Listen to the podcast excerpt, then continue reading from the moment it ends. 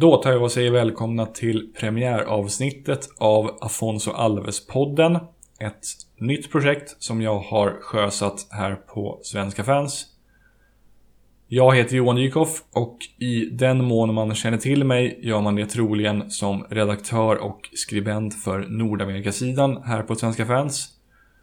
Jag har skrivit om nordamerikansk fotboll och i synnerhet MLS på Svenska fans sedan 2009 och sedan våren 2014 har jag även kört en podd vid namn Across the Pond. Där jag intervjuar folk med någon form av koppling till nordamerikansk fotboll. Det här är då ett litet sidoprojekt som jag har valt att dra igång. Eh, risken finns att det kommer ta tid från Nordamerikabevakningen och särskilt Across the Pond. Men vi får se hur det blir med den saken. Den här podden heter som sagt Afonso Alves-podden och bakgrunden är att Afonso Alves är en av mina favoritspelare genom alla tider. Det finns många spelare som jag gillar, men två är snäppet above the rest och det är Afonso och Anders Svensson.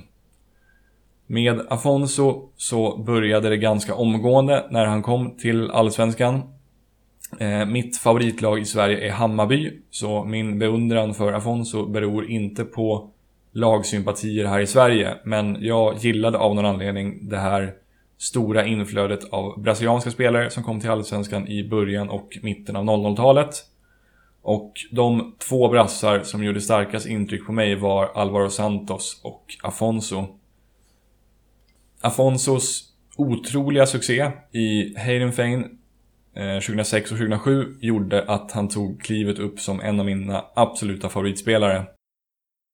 Säsongen 06-07 i Eredivisie, då han gjorde 34 mål på 31 matcher, är bland det häftigaste jag har sett. Eh, jag gillar Heidenfein som klubb väldigt mycket och har även viss koppling till Nederländerna som land eftersom jag spenderade en termin som utbytesstudent där under min universitetsutbildning, närmare bestämt i Groningen, som ligger ganska nära Heidenfein. Så det känns därför extra kul att Afonso lyckades så bra i Eredivisie och särskilt då i Heidenfein. Att Afonso även lyckades ta sig till det brasilianska landslaget, mig veteligen den enda spelaren någonsin som inledde sin karriär, eller sin europeiska karriär i en skandinavisk liga som sen har tagit sig hela vägen upp till ett så bra landslag. Tycker jag också är skitcoolt, verkligen. Eh, det som skulle komma att bli början på slutet på Afonsos karriär, den enligt mig förhastade flytten till Middlesbrough i början av 2008 grämer mig lite grann än idag. Jag hade gärna sett att Afonso väntat in ett bättre erbjudande för det Middlesbrough som han kom till var så kopiöst usla att förutsättningarna att lyckas där var väldigt dåliga. Nu ska det sägas att Afonso inte gjorde särskilt bra ifrån sig och han rankas ju ofta som en av de sämsta värvningarna någonsin i Premier League. Men jag betvivlar att någon annan anfallare hade gjort det sådär överdrivet mycket bättre i det urusla Middlesbrough som ramlade ur Premier League säsongen 08-09. I samband med Middlesbroughs nedflyttning lämnade Afonso klubben för spel i Qatar. Han kom att spela för tre qatariska klubbar i form av Al-Sad, Al-Rayan och Al-Sharafa. Jag tror man uttalar det sistnämnda så. Det stavas G-H-A-R-A-F-A. Hans kontrakt med Al-Kharafa, eller hur det nu uttalas, gick ut våren 2013 och efter det skulle det aldrig bli något mer spel på professionell nivå för Afonso. Han gjorde två halvhjärtade, eller vad man ska kalla det, försök till comeback i Heidenfein. Under hösten 2013 var han på plats i Heidenfein för att besöka några vänner och eftersom han var klubblös då skulle han träna med eh, Heidenfels juniorer för att hålla igång och även i klubben en liten uppdatering av hans fotbollsmässiga status. Några träningar blev det dock aldrig eftersom Afonso tyckte att det citat inte kändes rätt. Två år senare, alltså 2015, var Afonso tillbaka i Heidenfein och den här gången körde han ett antal träningspass med klubbens juniorer. Vid det här laget hade den då 34-åriga Afonso varit klubblös i två och ett halvt år och under sitt sista år i Qatar hade han dessutom haft skadeproblem och inte spelat så mycket. Afonso var i intervjuer öppen med att han gärna skulle vilja spela igen för Heinfein. Men några kontrakt blev det aldrig och 5 oktober 2015 meddelade Afonso på sin Instagram-sida att han hade bestämt sig för att sluta som professionell spelare. Tanken med den här podcasten är att intervjua personer med någon form av koppling till Afonso Alves. Det kan vara personer som hejar på lag där han har spelat, eh, spelare som har spelat med eller mot honom, gamla tränare, journalister som har följt allsvenskan under lång tid. Vi får helt enkelt se vilka jag lyckas få tag på, men det ska alltid finnas en inte alltför krystad koppling till Afonso Alves. Eh, idén till det här är delvis inspirerad av en podcast vid namn Palmemordspodden som drivs av en komiker vid namn Johannes Finnlaugsson. Och i, det, i den podcasten intervjuar han en komiker ofta, en komikerkollega, eh, med utgångspunkt i ett av spåren i Palmeutredningen. Till exempel Christer Pettersson, kurdspåret eller 33-åringen hette det väl. Men intervjuerna handlar ofta om mycket annat än bara det aktuella spåret i Palmeutredningen. Typ komikerns karriär eller så. Intervjuerna i den här podden kommer då alltså inte bara handla om Afonso, men han kommer tas upp i varje intervju. I det här första avsnittet har jag intervjuat David Berg, som precis som jag har skrivit på Svenska fans under lång tid. David är ett stort fan av brasiliansk fotboll och har skrivit om brasiliansk fotboll på Svenska fans ända sedan 2008. Han är dessutom supporter till IFK Göteborg, vars lokalkonkurrenter ju är Örgryte, där Afonso inledde sin europeiska fotbollskarriär. David kändes därför som en utmärkt första person att intervjua. I dagsläget är tanken att upplägget på intervjuerna ska vara som så att jag inleder varje intervju med en faktaruta. En idé som jag har snott rakt av, helt ogenerat, från poddar som Lund och Toto Balutto. Och sen i varje podd får gästen även ta ut en topp 7-lista i ett mellan oss överenskommet ämne. Dessa ska vara fasta inslag i podden och utöver det tillkommer såklart en massa för gästen anpassade frågor. Anledningen till att det är just en topp 7-lista och inte det mer vanliga topp 5 eller topp 10 är att Afonsos målrekord i Eredivisie är just 7 mål. 7 oktober 2007 gjorde Afonso 7 mål, väldigt mycket 7 var det i den där meningsinledningen känner jag nu. När Heidenfein besegrade Herakles med 9-0. Och det är ett målrekord som står sig än idag. Det var väl ungefär den introduktion jag hade tänkt mig, så nu går vi över till intervjun med David Berg.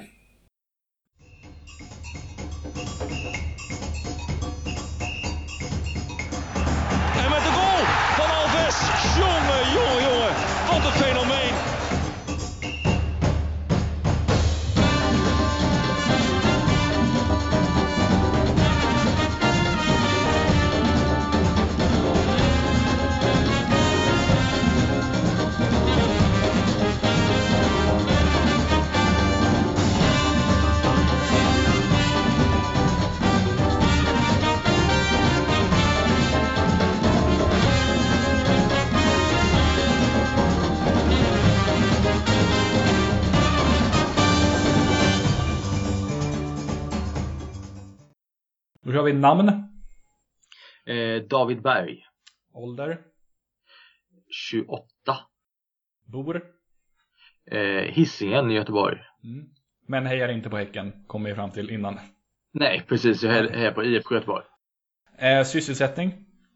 Eh, just nu journaliststudent. På JMG heter det va? Ja, på JMG, ja precis. Göteborgs universitet. Ja. Hur långt har du hållit på och hur långt har du kvar? Eh, en termin har jag läst och eh, fem terminer kvar. Mm. Går det bra än så länge? Ja, nej men det går, eh, det går bra. Eh, jag eh, trivs. Vi ska börja just med radio och grejer nu så att det blir nog, det blir nog kul tror jag. Ja. Är tanken att bli någon form av sportjournalist sen lider? Ja, alltså, en, alltså det är ju det jag kan. Mm. sportjournalistik. sen så, en av anledningarna till att jag sökte var mer att jag ville se yrket Alltså på andra områden. Så att det är lite bägge och där. Så jag vet inte riktigt vad det blir men det är väl mycket troligt att det pekar åt sportjournalistik eftersom det är det jag har gjort lite innan. Så, så att, ja, men sagt, vi får se. Kan du berätta, eh, det här kommer vi säkert gå in på senare också, men kan du berätta liksom, alltså, vad ska man säga, din gärning inom fotbollsjournalistiken än så länge, vad har den bestått av?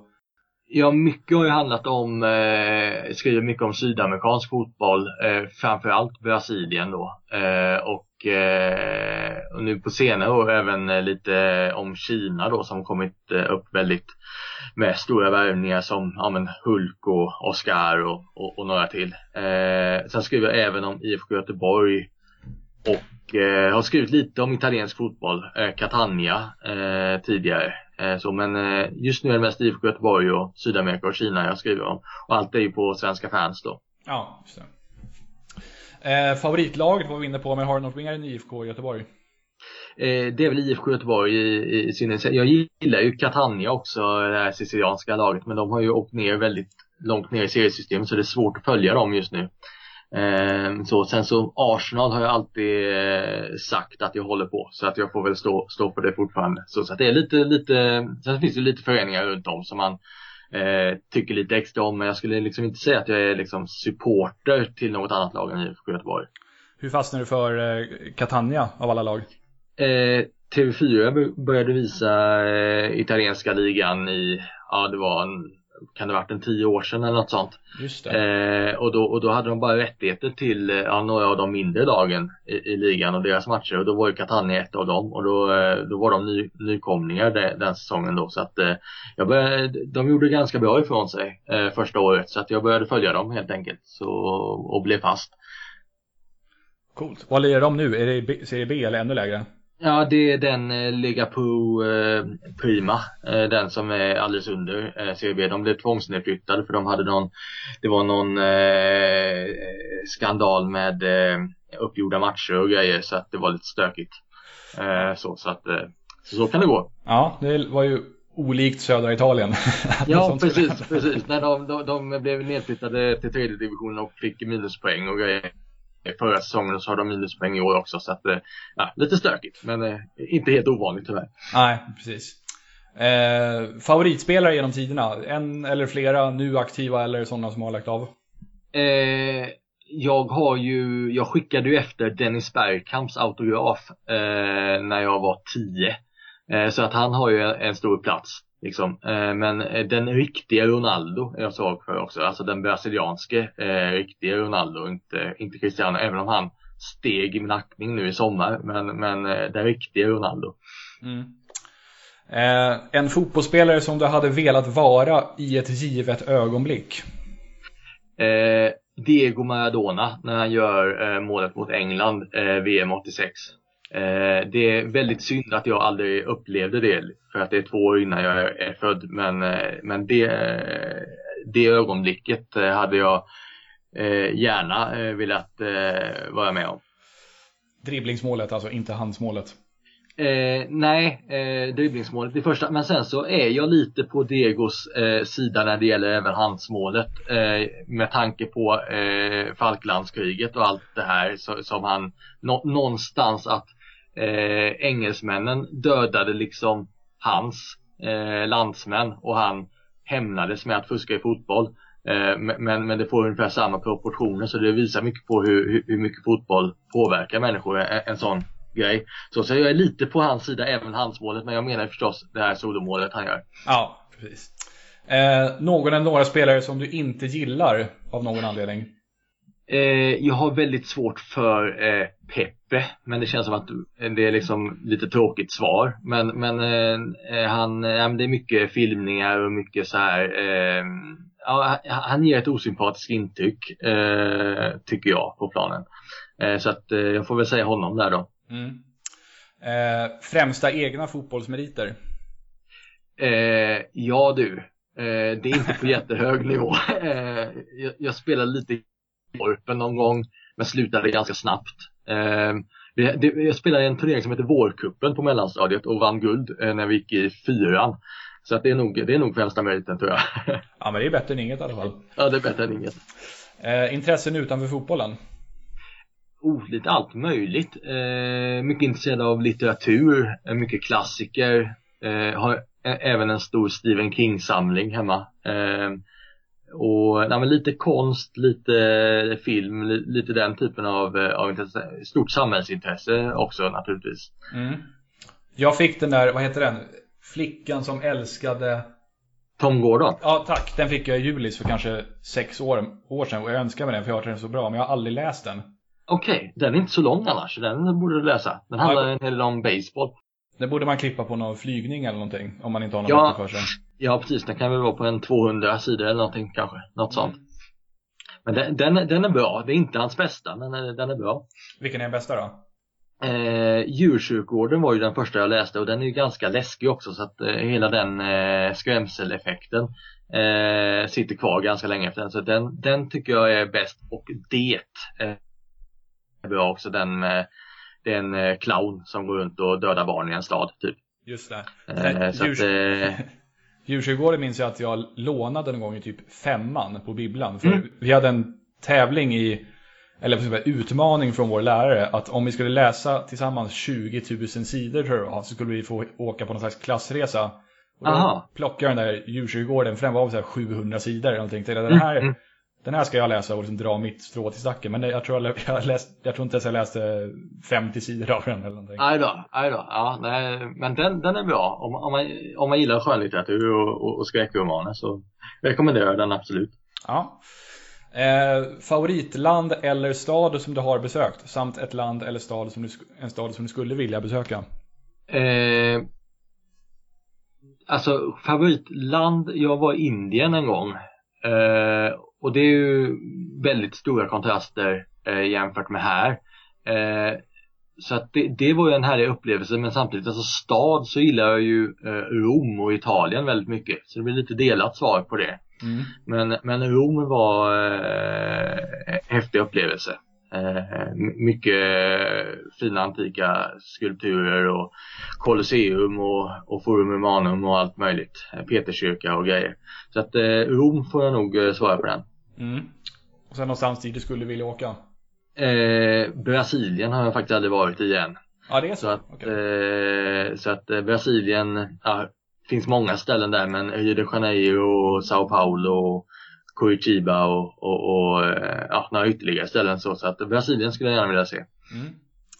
Och sen avslutar vi med favoritband eller artist. Eh, jag har alltid varit svag för eh, Black Sabbath. Eh, deras tidigare verk från 70-talet när Ozzy Osbourne var, var som bäst. Så att eh, Black Sabbath. Ja, är du en hårdrockskille liksom?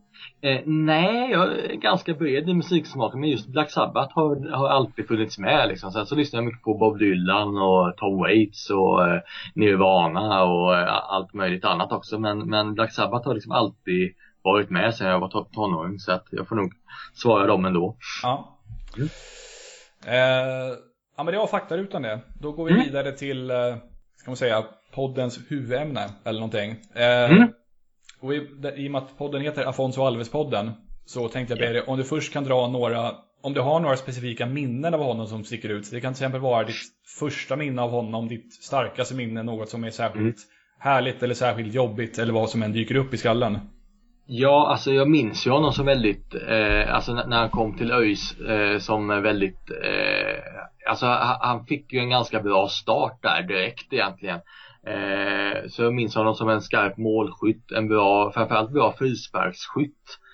Eh, han höjde det ju verkligen det laget tillsammans med eh, Paulinho Guara som eh, de kommer ungefär samtidigt har jag för mig. Ja, precis samtidigt till och med. Eh, precis samtidigt till och med eh, från Atletico Mineiro. Men, eh, nej, men just, eh, just hans eh, mål, målfarlighet den är ju eh, väldigt signifikativt för Afonso Alves.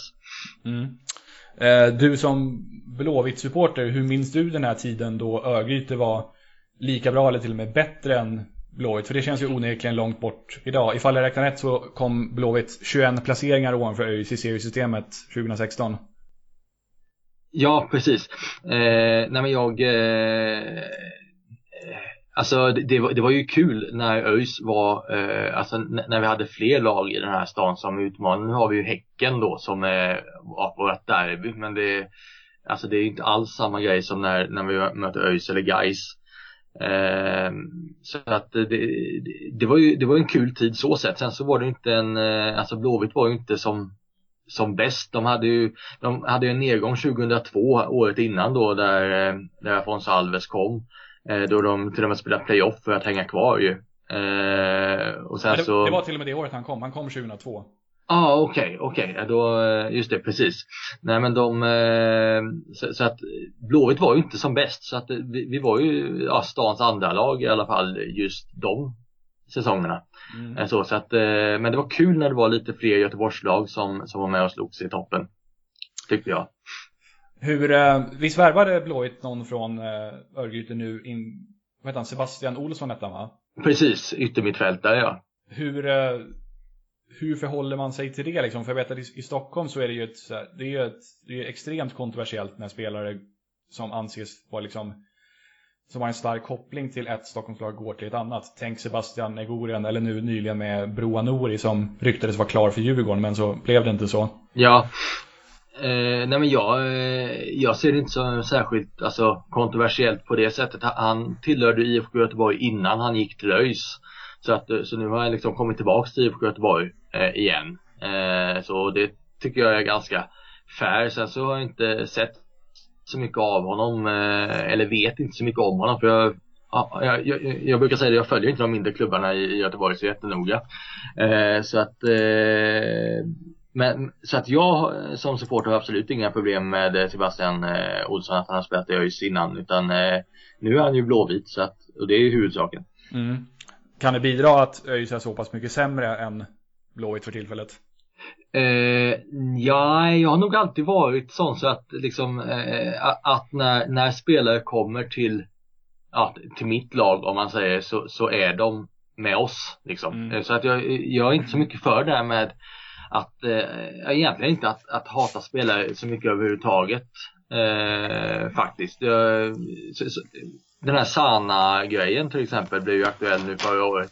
Och, det, och där, där känner jag det att Ja visst, alltså Sana lämnade och så han återkom och så till Malmö FF och så vidare. Men någonstans så ska ju IFK Göteborg vara ganska glada att vi inte behöver betala eh, Sanas lön. För Sana har inte varit så jättebra i Malmö FF sedan han kom från Ajax heller egentligen. Så att, eh, men generellt svårt att, eh, att avsky folk för deras eh, klubbval. Eh, så. Ja, okej. Okay. Eh, om man återgår till Afonso, var du ett fan av brasiliansk fotboll även på den här tiden för 10-12 år sedan då det liksom välde in brassar i allsvenskan? Eh, nej, jag var inte alls lika initierad då. Intresset för, för för brasiliansk fotboll började egentligen när jag började skriva på Svenska fans eh, mm. 2008. Eh, redan då hade jag lite koll liksom men, men det var då som jag verkligen började nörda ner mig i det och, eh, och, och, och fastna för olika saker och detaljer och så. så att, eh, men eh, inte brasiliansk fotboll specifikt när Afonso var här men jag hade, har ju alltid haft ett eh, stort fotbollsintresse generellt. Ja. Eh, Göteborg har ju knappt haft några brassar alls. Den enda som väl faktiskt, faktiskt var spela för dem är väl Daniel Sobralense och han var väl ingen... Nej, han var ju ingen hit. Eller vad säger, du, vad säger du om hans tid i Blåvitt? Ja, nej, han var ju ganska stökig och när han väl fick spela så var det liksom inte inga större prestationer heller. Eh, så, så att, eh, nej men han, eh, jag har nästan glömt av att han spelade i Blåvitt men, eh, men det är den enda brassen vi har haft tror jag.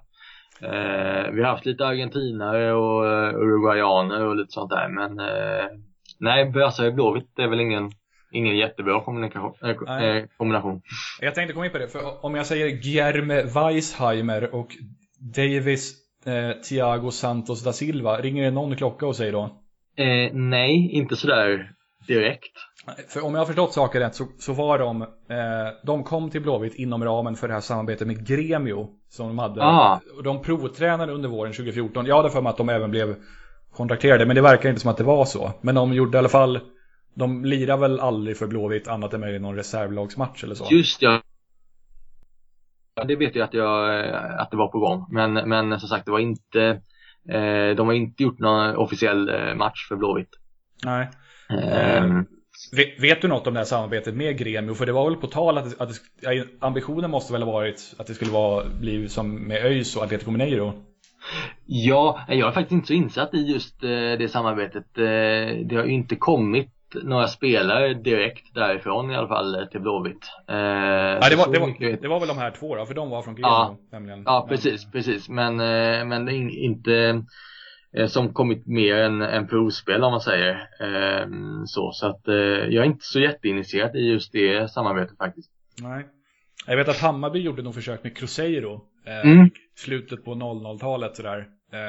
och det, jag tror det resulterade väl i en spelare tror jag. Han Marinho, tror jag han hette. Ja, just det. Eh, just det. Som gjorde ett inhopp och sen åkte tillbaka. Mm. Så jag gissar att det, var, det måste varit inspirerat av ÖIS och hur väl de lyckades med sitt Atletico Mineiro. Ja, ja, de fick ju in flera spelare därifrån. Eh, ÖIS alltså. Eh, mm. Han, eh, Ailton Almeida var väl också därifrån va? Ja. Han kom senare. Precis. Och sen var det några till som väl inte lyckades lika bra. Men det var någon som hette Bosco, någon mittfältare. Och... Just det, Bosco minns man ju lite av i alla fall. Ett par gubbar till som väl, men det var väl Ailton, Paulinho och Afonso som var de som lyckades riktigt, riktigt bra liksom. Ja, precis. Eh, för Alvaro Santos var inte därifrån, eh, tror jag inte. Nej, han var väl från eh, Amerika tror jag han kom från. Och Just det ja, samma han... stad är det ju, men det var inte samma klubb. Och sen hade han någon vända i Feyenoord, men jag vet inte om han, någon som var kontrakterad där innan han gick mm. till, innan han gick till Helsingborg då. Just det. Eh, men på tal om sydamerikaner, kommer du ihåg han eh, José Schaffer, vänsterbacken? Ja, jajamän. För han eh. gick ju sen till Benfica efter, inte alls långt efter att han var i Blåvitt. Ja just det, jo men han minns man ju. Eh, minns även eh, Martin Krossa Just det. Var ju också i Blåvitt men han, han gjorde väl inte så jättemycket väsen av sig egentligen men, men det är ändå ett namn man minns. Ja, den här, och den där Schaffer, han verkar vara tillbaka i Argentina nu på någon, i någon lägre, mindre klubb men han blev ändå värvad av Benfica typ ett och ett halvt, två år efter att han varit i Blåvitt och där han knappt fick spela alls så det han gjorde ja, just det. kometkarriär eh, där Ja det är ju lite, det är lite sensationellt Verkligen um, vad tror du om eh, kommande säsongen för Blåvitt då? vad behöver göras annorlunda jämfört med 2016 för att vara med och slåss i guldstriden den här gången? Eller är det något som är realistiskt sämst? Eh, alltså eh, framförallt så behöver de ju eh, alltså få ordning på, eh, alltså jag tycker att vi borde få upp fler folk från akademin. Det är ju det som, alltså det långsiktiga tänket har inte riktigt eh, satt sig. Eh, för att få, få ruljans på hela den här med ekonomibiten så att, att, att ge unga spelare chansen. Det hade varit kul om eh, de här två ghananerna eh, Prosper Kasim och eh, Lawson Sabba eh, får, får eh, ärliga möjligheter att lyckas och så vidare. Sen så, eh, alltså jag ser inte direkt någon så här önskevärvning sådär eh, spontant. Mm. Eh, utan mer, mer att, eh, att släppa fram eh, det yngre gardet, lite mer målvakten Pontus Dahlberg till exempel. Eh, skulle mycket väl kunna få, få chansen i flera matcher och, och så vidare så, så att eh, eh men, men det känns inte riktigt som Alltså jag har inte den här guldkänslan eh, just nu Eh, och, och, och det, det, brukar ju vara lite så att ibland så överraskar de när, när man har en sån eh, lite sämre känsla i kroppen liksom. Men eh, eh, nej, det, det, blir, det blir Jag tror att det kan mycket väl finnas, finnas risk att det blir ett mellanår med ytterligare någon sjunde placering i år, tyvärr. Ja.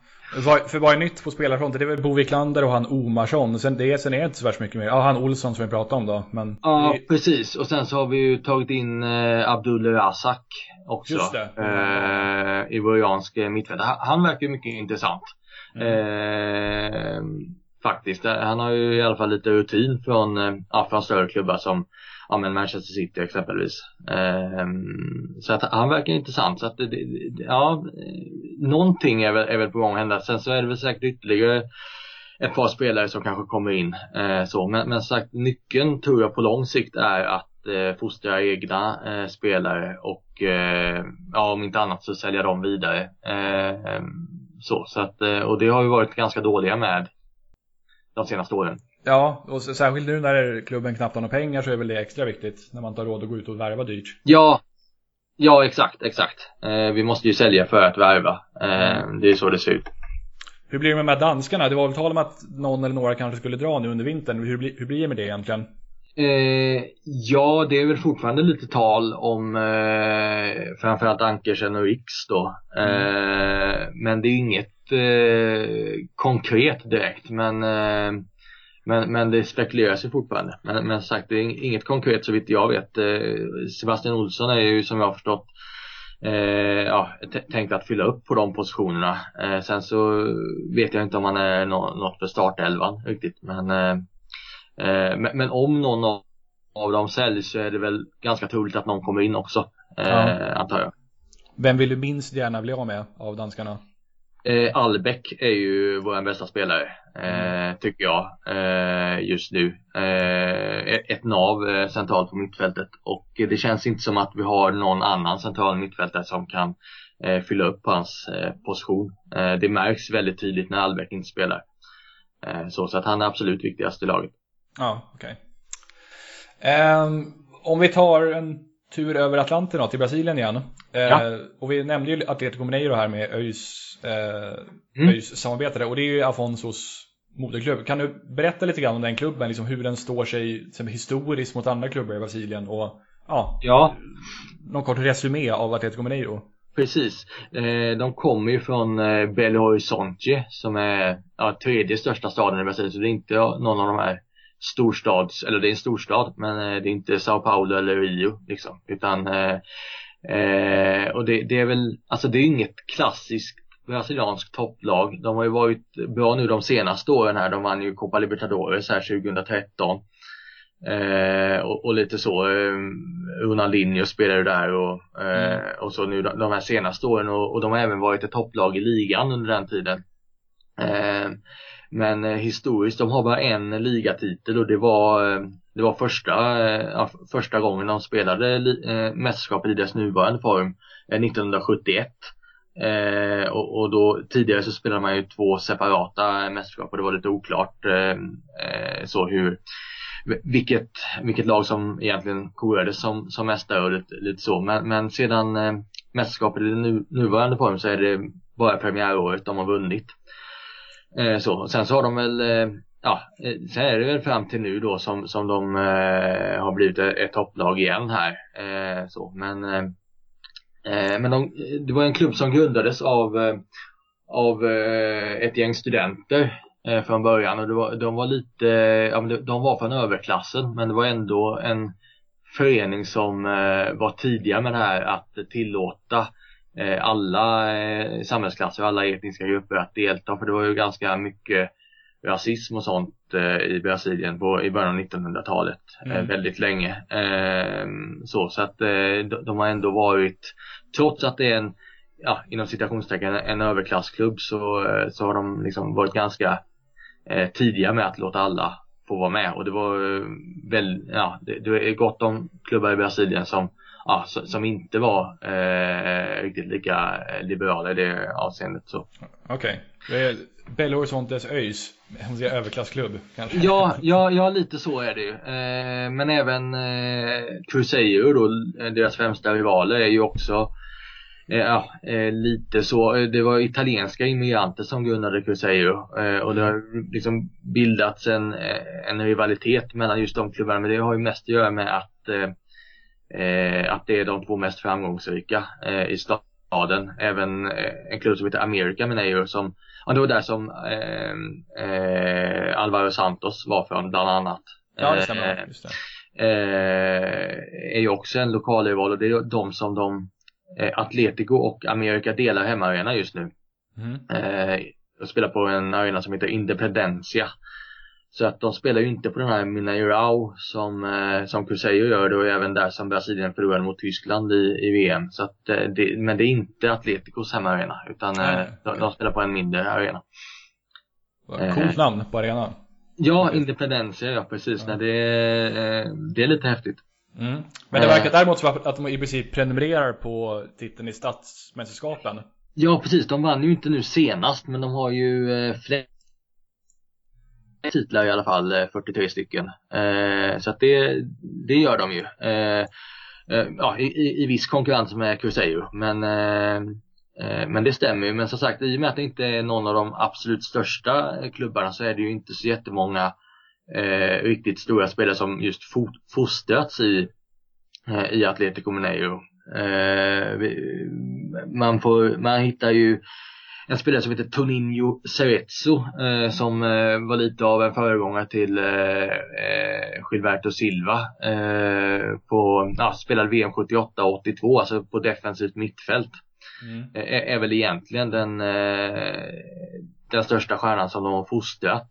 även Reinaldo som gjorde mål mot Sverige i VM 78 till exempel eh, också en spelare som fostrades i Atletico Mineiro som även spe, bägge de här killarna spelade ju i Atletico Mineiro under de här VM-turneringarna så, så att då var de ju ganska stora.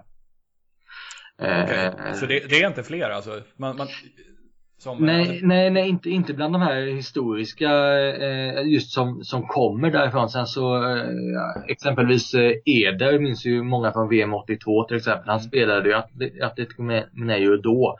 Men han, han är ju inte fostrad där. Eh, och även eh, ja, Taffarel, målvakten och Gilberto Silva eh, och Ronaldinho är, är, ju andra spelare som, eh, som har spelat där men som inte, som inte kommer därifrån så att säga. Ha, det är, jag hade faktiskt trott att det var fler. Då är Afon, Afonso står sig ganska bra. Då ja, ja, precis. Nej, men eh, det är ju de här öjsbösarna där, Afon, Afonso Palinho och Ailton. Sen så alltså eh, Mancini som många kommer ihåg från eh, ja, Inter och Roma. Ja, yttern där ja. Just yttern där ja, precis. Han är också fostrad i Atletico Mineiro. Eh, och även, eh, nu ska se, eh, målvakten eh, Diego Alves i Valencia kommer därifrån ursprungligen också. Okej. Okay. Eh, sen så hade vi en, en liten kille eh, som heter Bernard som var anfallare i VM nu senast 2014. Nu spelar han i Shakhtar. Just det. Eh, också en liten teknisk eh, kille. Han, han, eh, han slog igenom ja, tillsammans med eh, Alltså när, när, när de vann Libertadores där med Ronaldinho och gänget så, så var han ju en, en av nyckelrollerna i, i laget där. Okay. Så, så det finns ju några, men, men, eh, men det är ju inte, det är inte sådär eh, Ronaldo eller Pelé eller, eller den, den klassen liksom. Vilka är de bästa spelarna idag då, om man eh, tittar på nuvarande truppen? Ja, de eh, har, har ju läckt väldigt mycket defensivt, så där har de ju sin svaga del. Förr så var ju målvakten eh, Viktor en, en av eh, en av eh, ja, eh, det bästa i, Brasilien. Det, det, han kanske är det fortfarande men, eh, men backlinjen har läckt betänkligt i år så att den styrkan har de inte kvar. Eh, däremot så eh, på anfallet tittar vi ju Fredji som som vann skytteligan nu då i år. samma eh, Fredge som som var i Fluminense och som spelade, ja, floppade lite i VM. 2014. Ja, just det. Eh, och de har ju eh, Robinho i laget. Det, eh, och han har ju stor rutin också från, från spel i VM och Real Madrid och Manchester City. Eh, och även argentinaren eh, Lucas Prato som, eh, han har ett förflutet i norska, i, i, ja precis, i Lynn ja, i norska ligan. Eh, han är ju klubbens eh, Atletico Mineiros bästa utländska målskytt någonsin.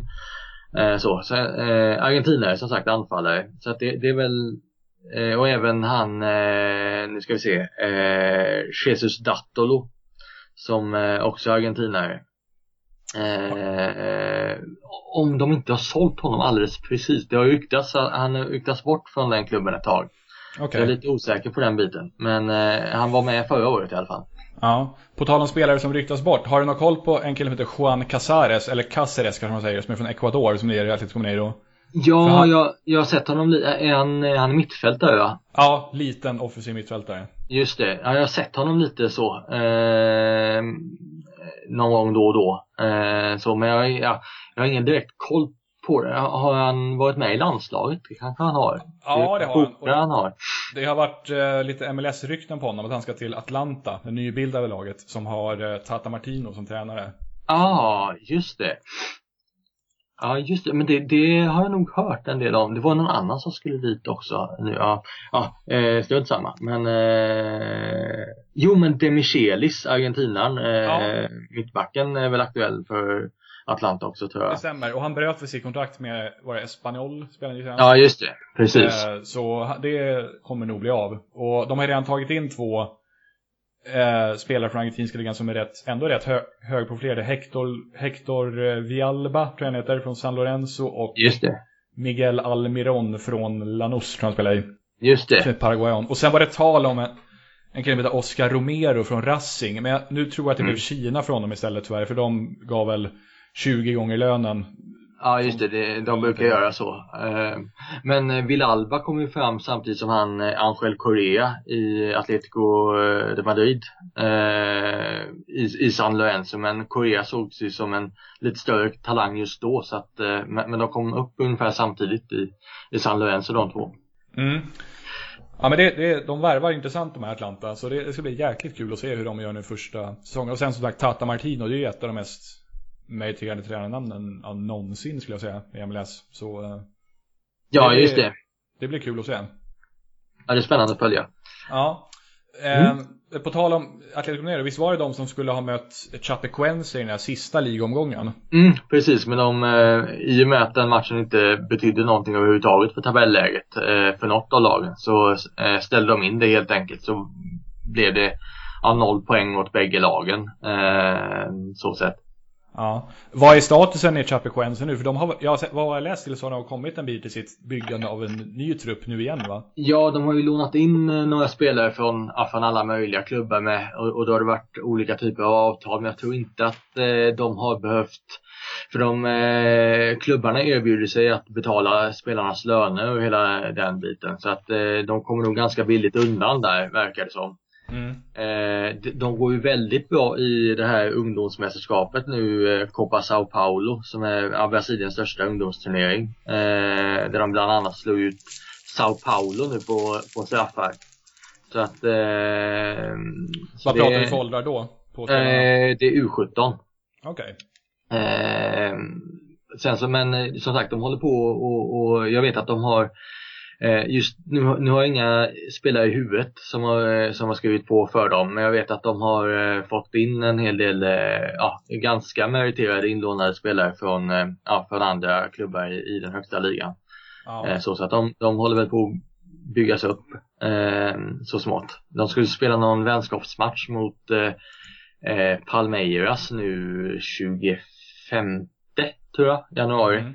Eh, lite som en försäsongsgrej. Eh, så, så att man lär väl, vad jag vet i alla fall så de, eh, de två spelarna som eh, eh, inte den här reservmålvakten då som de var tvungna att amputera benet på men de eh, två försvararna som skadades i flygattacken är ju eh, ja, eh, har ju börjat sin väg tillbaks till fotbollen och det är väl många som ja, men, tror att de kommer in, inom en inte allt för lång framtid eh, vara tillbaks eh, till fotbollen. Det är ju ganska otroligt.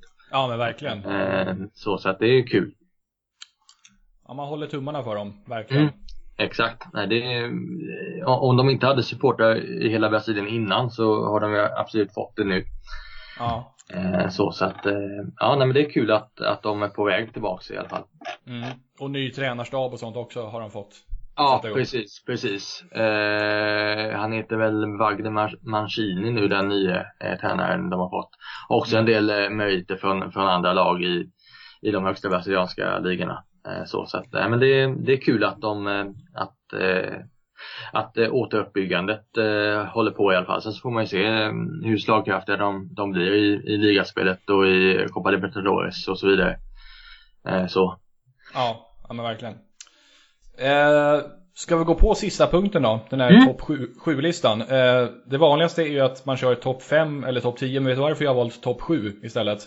Eh, har det någonting med eh, hans tröjnummer att göra kanske? Nej, ah, det har med att göra med hans målrekord i Eredivisie. Han gjorde ju sju mål när Heidenfen slog Herakles med 9-0. Just det, jag, jag minns ju den, eh, alltså när jag tittade på Sportspegeln och de visade på den där matchen, det var ju helt, helt galet. Det är nästan så att man kan misstänka eh, matchfixning. Men ja. å, andra sidan, å andra sidan så blir det sådana där resultat ganska ofta, ja, om inte nu alla matcherna är fixade, men det blir så här 10-0, 11-1 och sådär lite då. Ja, ja det, det, ser man ju. Det var ju någon gång, eh, var det Feyenoord mot eh, Ajax kanske? Eller om det var PSV? PSV. Ja. Just det. Eh, jag kommer inte ihåg vad siffrorna blev, men det var ju också någon sån här stor utklassning. Jag tror det, om det är den, om vi tänker på samma match som var för kanske två, tre år sedan så blev det 10-0 till PSV. Ja, just det, det är den ja. Ja. eh, och det är lite sjukt med tanke på att det är två topplag, eller klassiska topplag i alla fall. Eh. Ja, det, tänk om AIK hade spöat Malmö med 10-0, det, det känns ja. rätt långt bort alltså. Det är klart, för, för några år sedan så var det ju 8-2 eh, United-Arsenal. Eh, det är också stora siffror liksom. Men, eh, så det, det händer ju. Men, eh, ja. Och vi har ju haft några sådana här, sen 9-0 vet jag att Helsingborg slog Halmstad med i någon slutomgång. Ja, just det. Just och det. Djurgården slog Elfsborg med, var det 8-1? Den när Dembo gjorde mål på straff. Just det, just det. Vi slog Djurgården med 6-0. Det är inte riktigt lika stora siffror men eh, Men det var, vad var det? 2011 yeah. någonting kanske? Ja, något sånt där. 9? Ja, ja, ja strunt med. Ja, något sånt. Det var, det var länge sedan i alla fall. Ja. Eh, men precis, jo. jag, jag har då tänkt en, eh, det ska då ett, jag har tänkt att det ska vara ett stående inslag i eh, programmet att alla som jag intervjuar får ta ut en egen topp 7-lista då. Och i ditt fall, i och med din kunskap om brasiliansk fotboll så tänkte jag, ja men de sju mest lovande spelarna i brasilianska ligan idag, enligt dig, mm. ett bra ämne. Så du, då bad jag dig ta ut en sån lista och ge en liten kort motivering till varje spelare. Så det är mm. bara, take it away. Yes. Ja, men då, eh, jag kände mig ändå tvungen att eh, trots att eh, han precis har gått till Manchester City så om man, om man tittar på förra året så kände jag mig ändå tvungen att nämna Gabriel Jesus, eh, anfallaren. Eh. Han är ju han är bara 19 år och eh, han, eh, han blev vald till årets spelare i brasilianska ligan i Palmeiras som, som vann titeln. Eh, och han påminner, ja, men man ser lite Ronaldo i honom. Och han har eh, en väldigt, eh, en, en, en lite så här, en, en ganska tuff spelstil som jag tror passar bra i England. Sedan så är det ju alltid väldigt riskabelt att skicka en så ung kille eh, till Europa överhuvudtaget och sen så särskilt i England där det, alltså jag kommer spontant inte på en enda riktigt stor världsspelare från Brasilien som har slagit igenom i något engelskt lag. Eh, så att det, där, där, har han ju lite, lite motigt eh, så. Men, eh, eh, men han är oerhört intressant i alla fall. Så att det ska bli kul att följa honom nu i Premier League. Det är väl om man räknar Gilberto Silva som en världsspelare? Ja, ja precis. och han var ju en världsspelare. Han var ju ja, kanske världens bästa på sin position. Men det är, ja, det, det är inte den här stjärn eh, glansen kring honom som, alltså, om, om man tänker Ronaldo, Rivaldo, Roberto Carlos, den, den typen av spelare. Eh, eh, och, och, och det, det, är ju någonstans den typen av spelare som Gabriel Jesus blir om han slår igenom. Eh, mm. Med tanke på sin position. Eh, så, så att, eh, men, men Gilberto Silva absolut, det håller jag, håller jag helt med. Eh, Andersson är väl eh, någon som det gick åt, eh, åt andra hållet för när han kom till United. Men det, Precis. det är en annan historia. Mm. eh, sen, eh, ja men som jag sagt, Gabriel Jesus eh, född 97, så han är ju väldigt ung också. Mm. Eh, sen så, jag drog en liten gräns här när jag tog ut den här listan eh, vid 94. Att han skulle vara födda 94 eller yngre. Mm. Eh, så att på andra plats eh, har jag eh, Gustavo Scarpa, eh, Fluminense. Eh, offensiv mittfältare, eh, klassisk eh, nummer 10-roll oftast, strax bakom eh, anfallet. Eh, gjorde åtta mål och tio assist och var med det i, i ligan förra året och var med det delad bäst med eh, Dodo i Palmeiras. Eh, också väldigt lovande. Eh, ja, offensiv mitt. Det, det hög, har ju alltid varit hög konkurrens på de positionerna. Mm. Eh, så, så att, men det skulle, han kan vi nog få se i Europa inom en ganska snar framtid. Han är ju ändå 22 så att eh, Sedan så hittar vi eh, Sasa, eh, Botafogo. Eh, anfallare, eh, stod för 12 mål i år, också född 94. Eh, som, som jag också tror att vi snart får se i, eh, i Europa. Eh, eller Kina. Eller Kina. Det är ju eh, kanske tyvärr, eh, eller lite beroende på hur man ser det, men det är väl ganska troligt att det kan bli Kina eller Mellanöstern. De kommer ju dit med sina portföljer fulla med pengar och då är det ganska svårt att säga nej. Eh, för, för, många. Eh, mm. så, så att, eh, men det är ju så som eh, det är ett intressant projekt i Kina. Man får se lite hur det, hur det artar sig framöver, vad det får för, för effekter på, på övriga fotbollen. Ja. Mm. Så, så att eh, mycket möjligt. Eh, sen så hittar vi två stycken defensiva innermittfältare som bägge spelade i OS. Eh, som eh, har tagit ordinarie platser i sina lag som också är topplag i ligan. Mm. Då har vi först eh, Thiago Maia eh, i Santos, född 97. Eh, och Wallace i Gremio som är född 95. Eh, som sagt, bägge var med i eh, det OS-vinnande laget i sommar. Och eh, de kan nog mycket väl, eh, Wallace var ju till och med påtänkt för eh, truppen till eh, Copa America i somras. Så jag tror nog att de mycket väl kan få chansen i, i VM-kvalet framöver. Eh, så, mm. så det är också intressanta namn att, att ha koll på. Eh, sedan så har vi eh, två stycken unga anfallare här också avslutningsvis. Eh, dels har vi ju eh, Felipe Vitseu i eh, Flamengo. Eh, han gjorde fem mål i eh, ligan. Eh, född 97. Eh, och han vann ju den här eh, turneringen jag pratade om tidigare, Copa Sao Paulo, den brasilianska ungdomsturneringen. Var ju med och vann med Flamengo förra året och eh, var en av de, de, absolut viktigaste i den eh, truppen. Eh, och gjorde mål dessutom direkt i eh, de, ligadebuten eh, hemma mot eh, Chapecoense eh, när de spelade 2-2. Så att han är ju mycket intressant. Han har ju bara spelat i högsta ligan ett år så att vi får se lite hur det, hur det går nu kommande säsong. Eh, mm. så, sen så har vi Richarlison eh, i Fluminense. Eh, också han född eh, 97. Eh, han avgjorde bland annat eh, eh Flufflu i juni eh, förra året. Eh, det här klassiska derbyt mellan Fluminense och Flamengo. Just. Eh, Fluminense vann med 2-1 och då var det Rikardisson som eh, gjorde det av, avgörande målet där. Då, så att det är några namn i alla fall att, att ha koll på. Sen så eh, brasiliansk fotboll det finns så oerhört många spelare som spelar i, i de brasilianska eh, ligorna. Eh, de har väl flest registrerade spelare i hela världen tror jag. Eh, så att det kommer ju alltid nya talanger. Och precis som det är stor risk att de namnen jag har rabblat här kanske inte blir någonting om, några, om ett par år så är det ju eh, förmodligen Ja det kommer ju nya namn hela tiden som folk pratar om.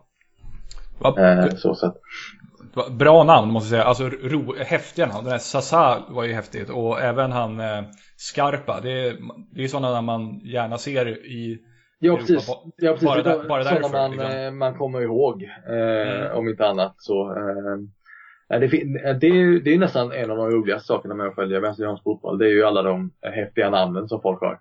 Ja. Eh, så, så att, och det, det, vet jag att du har också lite förkärlek för. Jag vet att du har länkat lite, vi har diskuterat Eh, Madagaskar och Mongoliet och, och lite sådana länder och deras namn och Thailand och sånt liksom. Ja. Det vet jag att du har lite förkärlek. Ja, jag, jag, tycker sånt är kul. Ja. nu, nu, nu tittar jag på uh, skytteligan från förra året i ligan. Det är en kille i Santa Cruz som gjorde tio som heter Keno. Det är, Just det.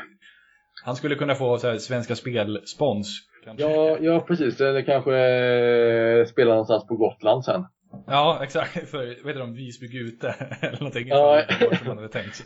ja, exakt. Eh, nej, det är som sagt en hel del eh, roliga namn. Eh, jag vet, det fanns ju ett lag som, eller det finns ju, de är nykomlingar nu i år igen, Atletico Goianiense. Ett tag hade de ju Eh, om de hade John Lennon och de hade Mike Jackson och de hade, eh, vad var det mer? Det var Mahatma Gandhi, eh, hade samma lag liksom. Och det, det var ju lite, lite coolt. Det fanns ju också någon i någon lägre liga som hette Creedence Clearwater Koto. Precis, eh, han var ju han var ju i Belgien en sväng vet jag, men eh, ja, just det. Liers eller någonting, men gjorde inte det. speciellt eh, bra. Det är ju Nej. nästan det sjukaste tycker jag. Ja, faktiskt. Uh, Hulk gillar jag också, men, men han är ju en, man tänker inte riktigt på Hulken längre när man, när man, uh, alltså, när man hör om Hulk. Liksom, för han, han är ju ett etablerat eget, om man säger varumärke nu. Men, så det är lite, ja, det är lite spännande. Ja, där har man liksom vant sig vid att, alltså, från början ja. var, det ett, var det ett konstigt namn, men nu har han faktiskt vant sig. Jag minns ju när jag spelade Exakt. Football Manager i yngre år, då brukade jag nästan dra mig för att värva spelare med så här knäppa artistnamn. Jag tyckte liksom att, men, är det en brasse så ska han typ heta Ricardinho eller ja, Fabrizio Silva eller sådär. Och om, man, om då hette Hulk, då skulle jag säga, ah, jag tar nog Fabrizio Silva istället. Ja, exakt. Som låter mer brasilianskt, men äh, nu, det är bara att hacka i sig att de, att liksom, men, ja men Kaká, det är ju också ett knäppt namn egentligen. Ja, egentligen, men det är ändå ganska, ja men det sitter ganska bra tycker jag.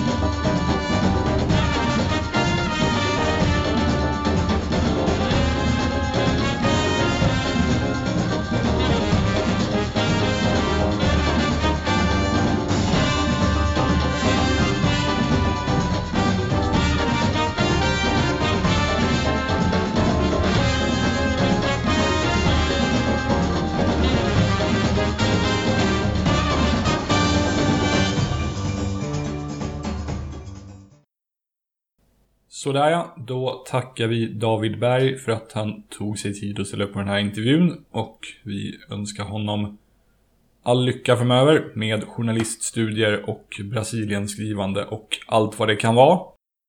Eh, David går att följa på Svenska fans som sagt och han finns även på Twitter så det är bara att följa honom för det är en jävligt kunnig och duktig och ambitiös kille. Eh, två saker som jag sa i podden som kräver lite rättning eller uppsträckning. Jag råkade säga att de här två brassarna provtränade med Göteborg 2014. Det var bara en ren felsägning. Jag menar såklart 2004.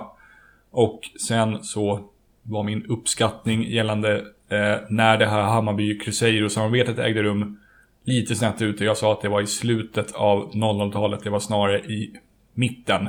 För han Marinho, som vi nämnde, han var i Hammarby 2004. Så, så värst mycket i slutet av 00-talet var det ju faktiskt inte. Eh, det var det. Fler intervjuer kommer. Jag har redan en inspelad som väl kommer ut inom ja, någon vecka. Knappt, skulle jag tippa. Så det är bara att hålla utkik. Eh, den här podden rullar på. Eh, hoppas att ni hänger med på tåget, så att säga. Ha det så bra så länge. Tja, tja.